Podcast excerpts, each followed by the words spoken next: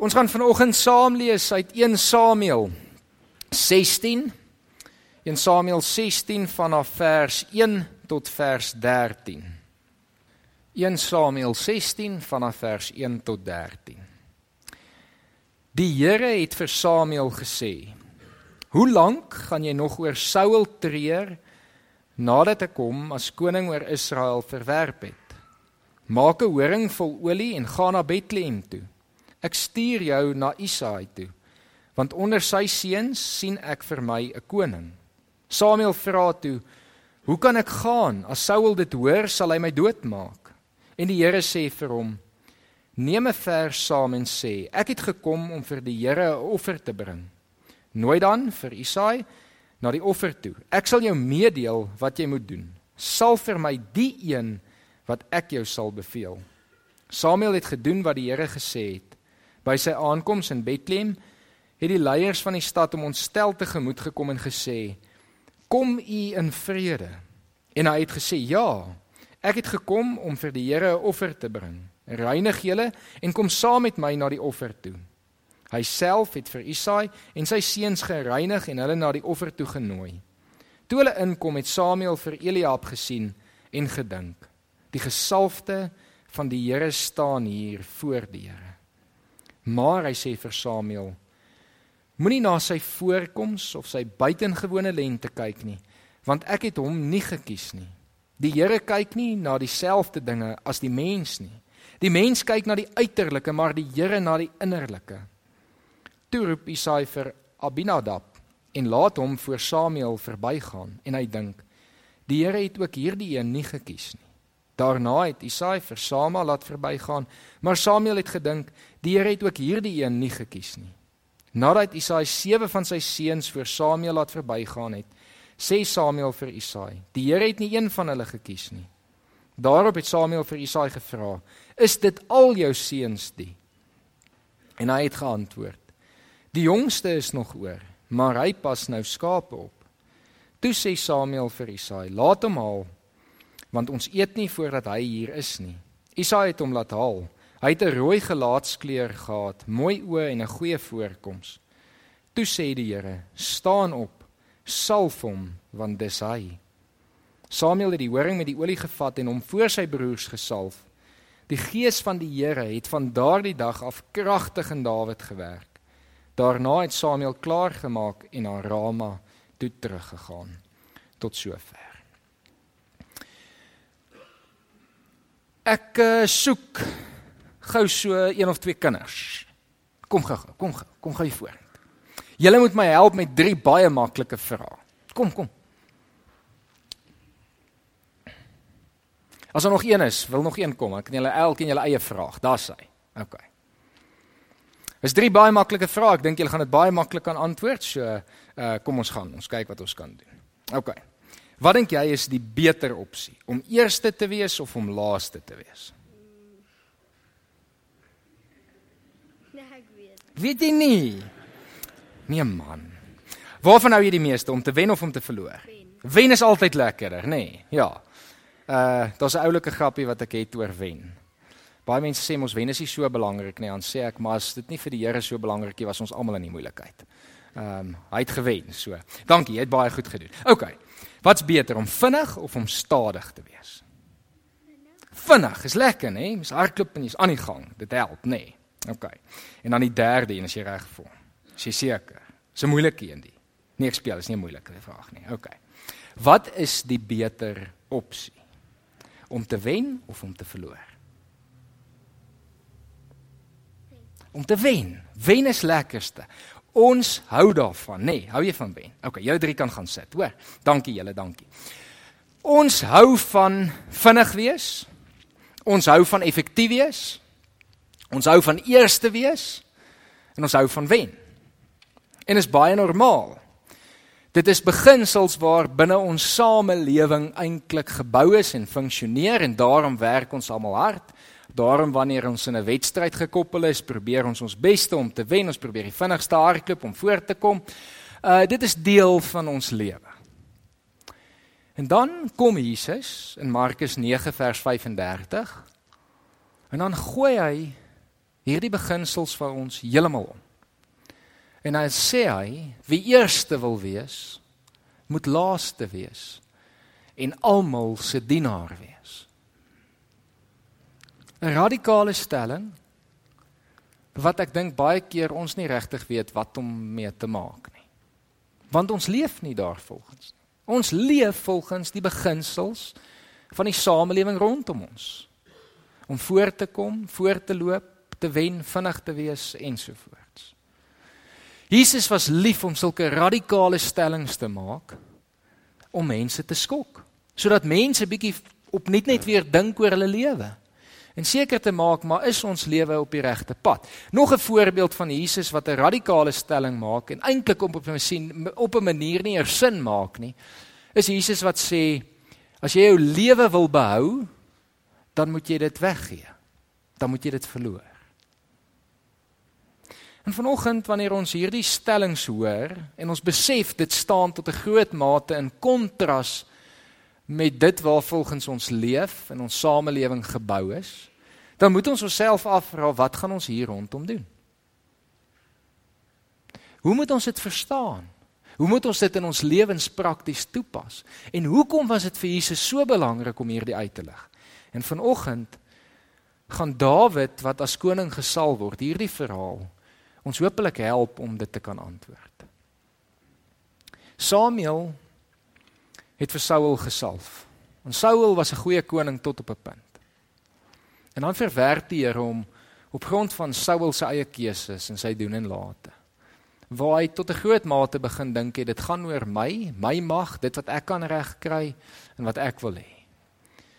En dan sê die Here vir Samuel, dis tyd om 'n nuwe koning te salf. En dan kies hy vir Dawid.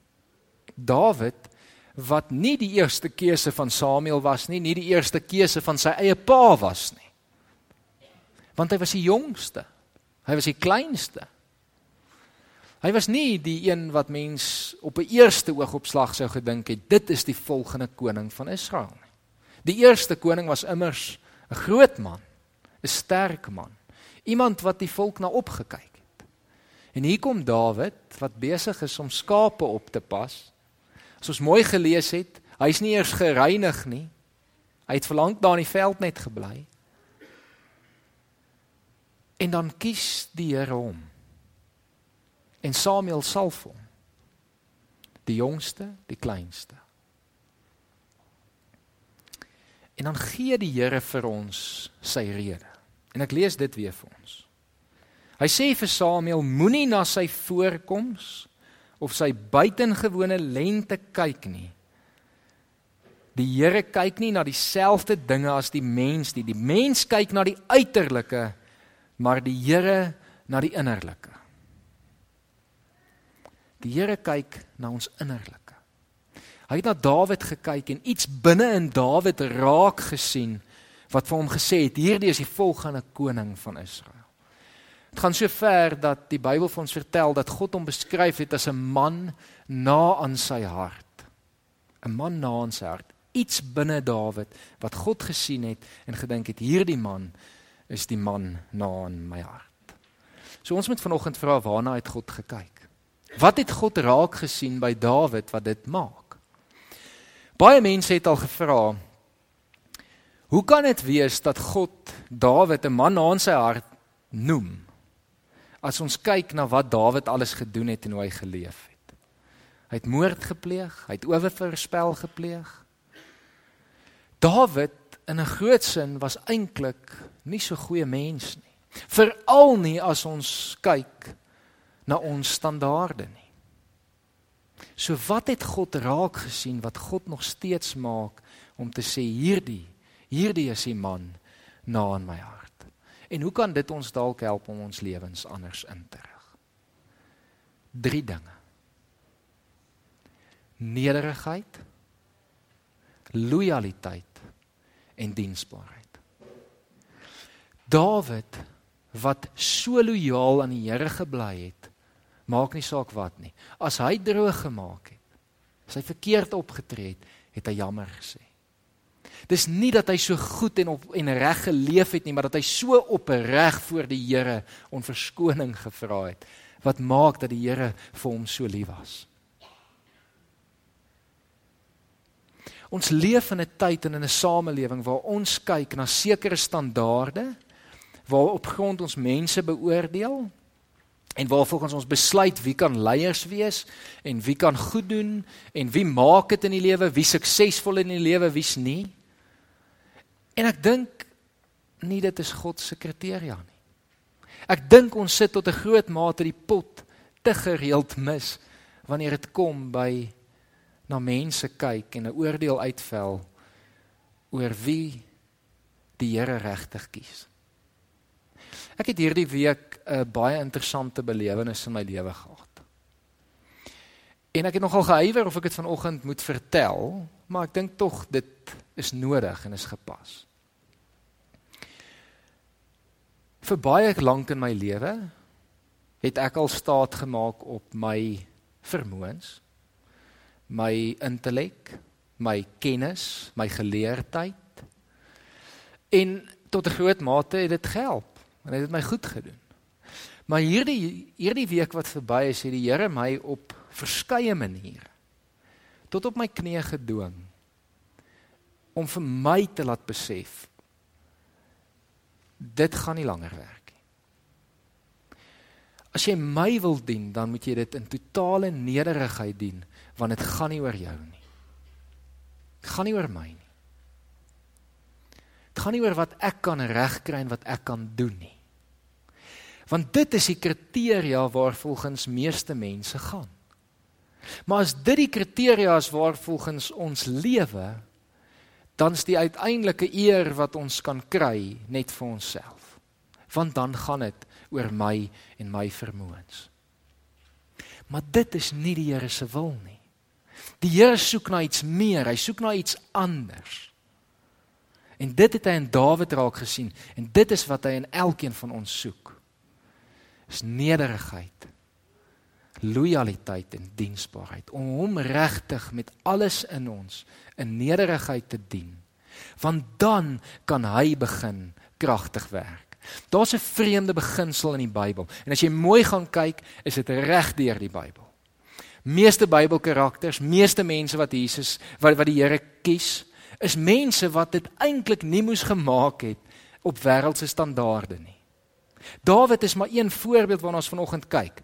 Gideon is nog 'n voorbeeld, 'n klein man, 'n bang man. Hulle noem hom letterlik 'n bangbroek. En dan kies die Here om en sê, "Jy's die ou met wie ek wil werk." Dan kom Jesus en hy kies disippels en dan kies hy die wat dit nie gemaak het nie.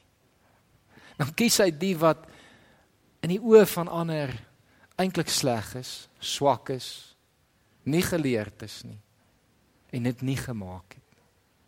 Daar's 'n patroon in die in die hele Bybel waar God sê ek werk op 'n ander manier. Want ek is op soek na iets anders. Die Here draai eintlik alles in sy koninkryk om. Hy kyk nie na die uiterlike soos ons nie. Hy kyk nie na wat ons doen nie.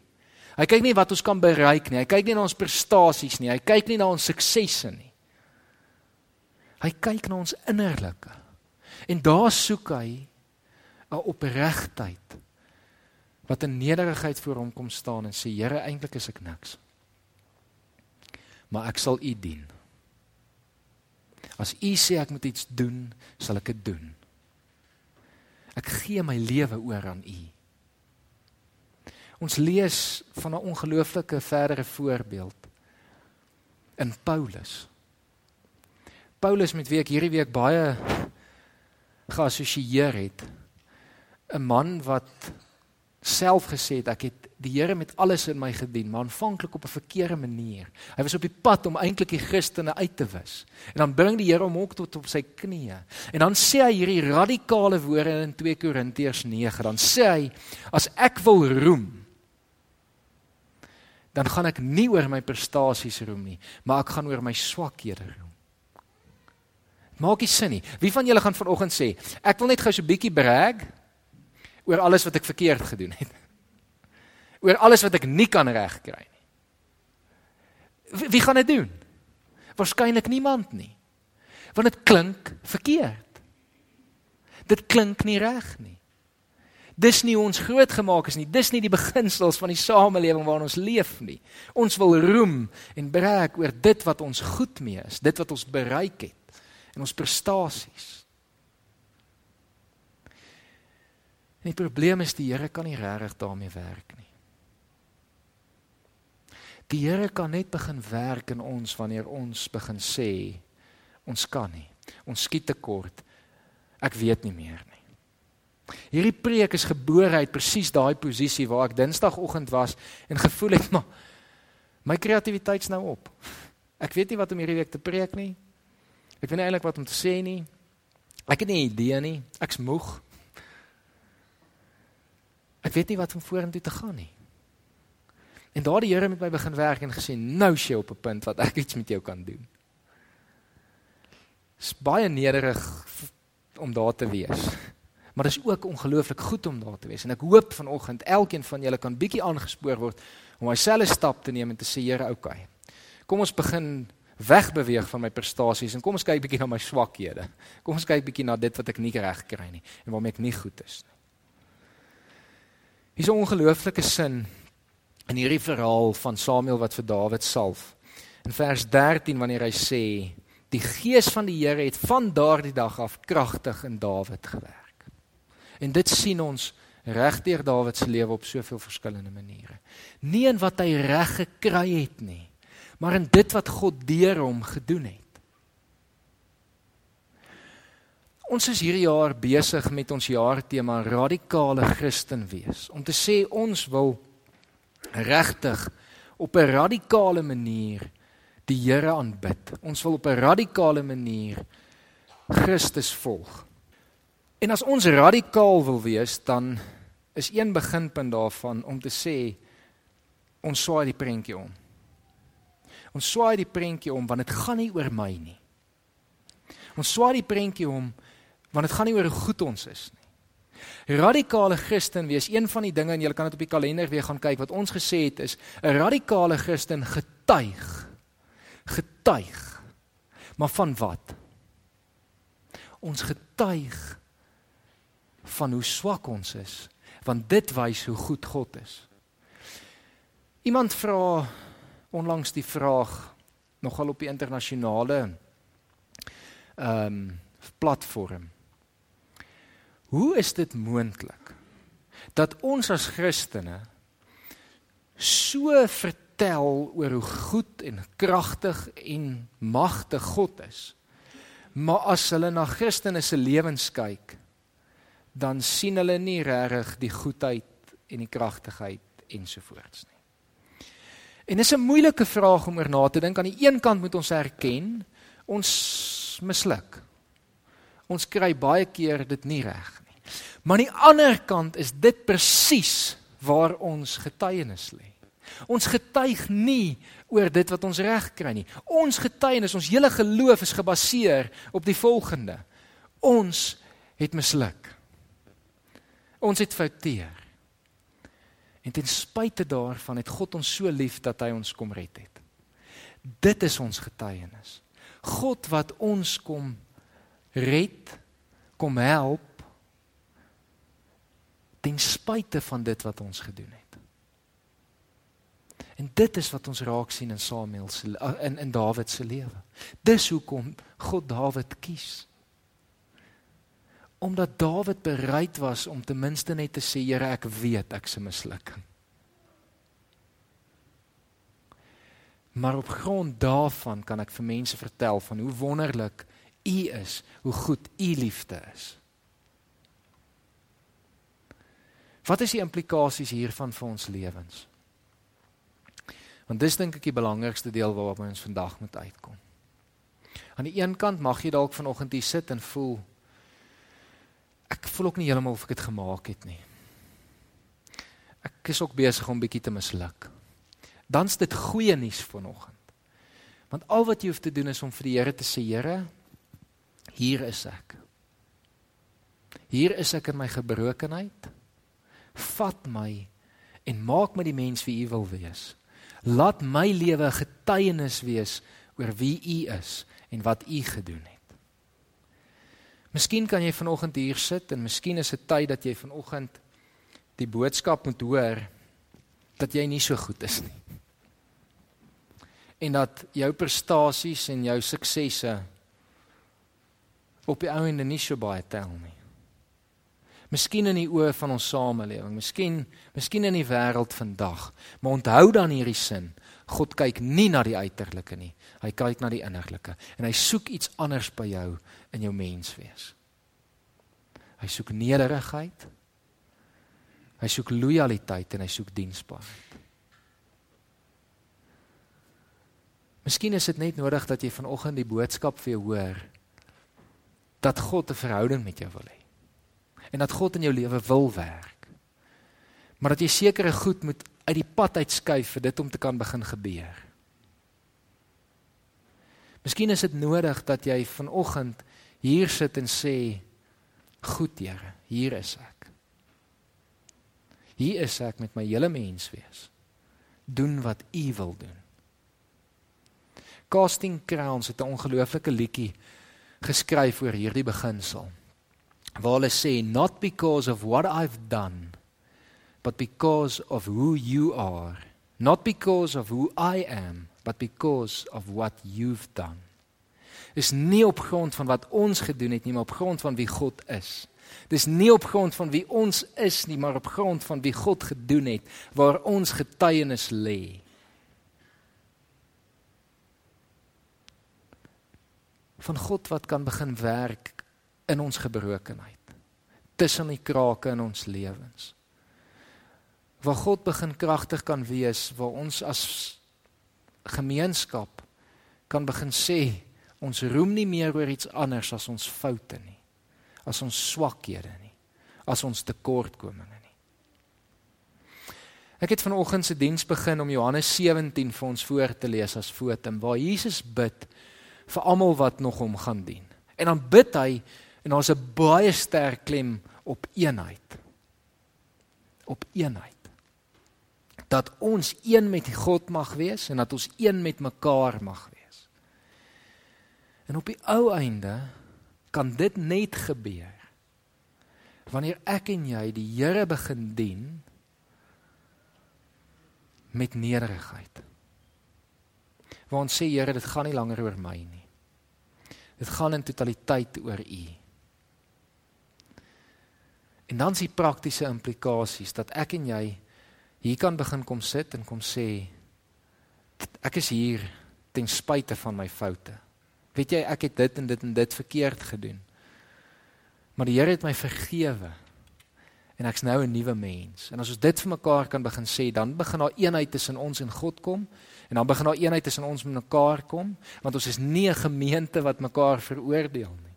Maar ons is 'n gemeente wat opgewonde raak as iemand sê ek is hier en weet jy ek het droog gemaak en die Here het my kom red.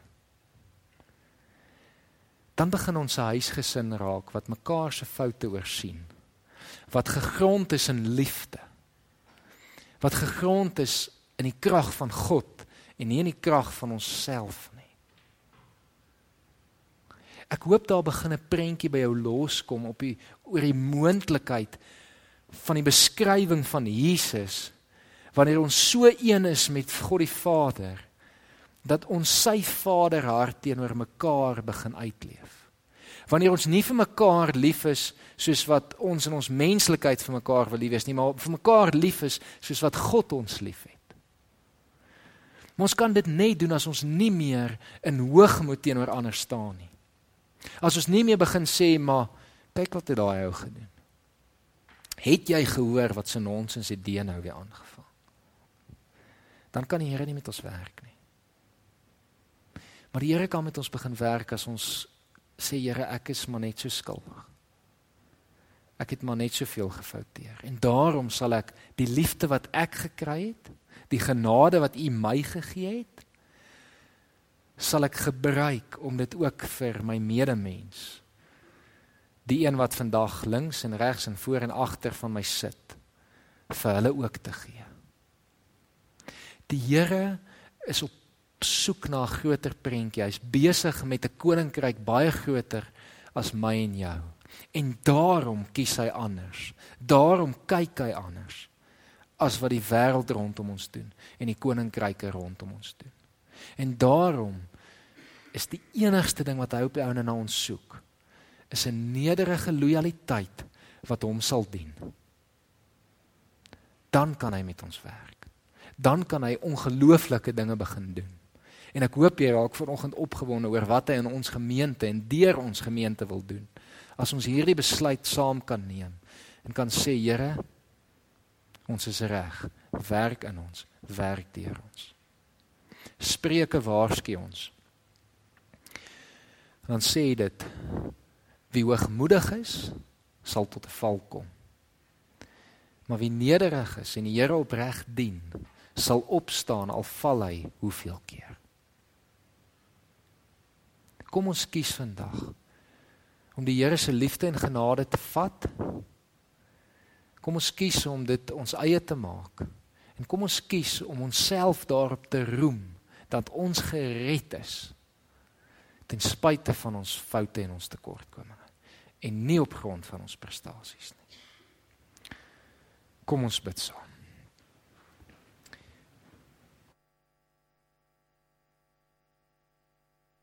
Here, dankie dat ons vanoggend hier kan sit en kan sê Here ons het dit nie gemaak nie. Here ons leef nie reg nie. Here ons misluk keer op keer. Ons fouteer keer op keer. Maar Here elke keer kom kom kry ons. Elke keer kom haal ons en dit is wat ons van vol getuig van u liefde wat groter is as ons foute.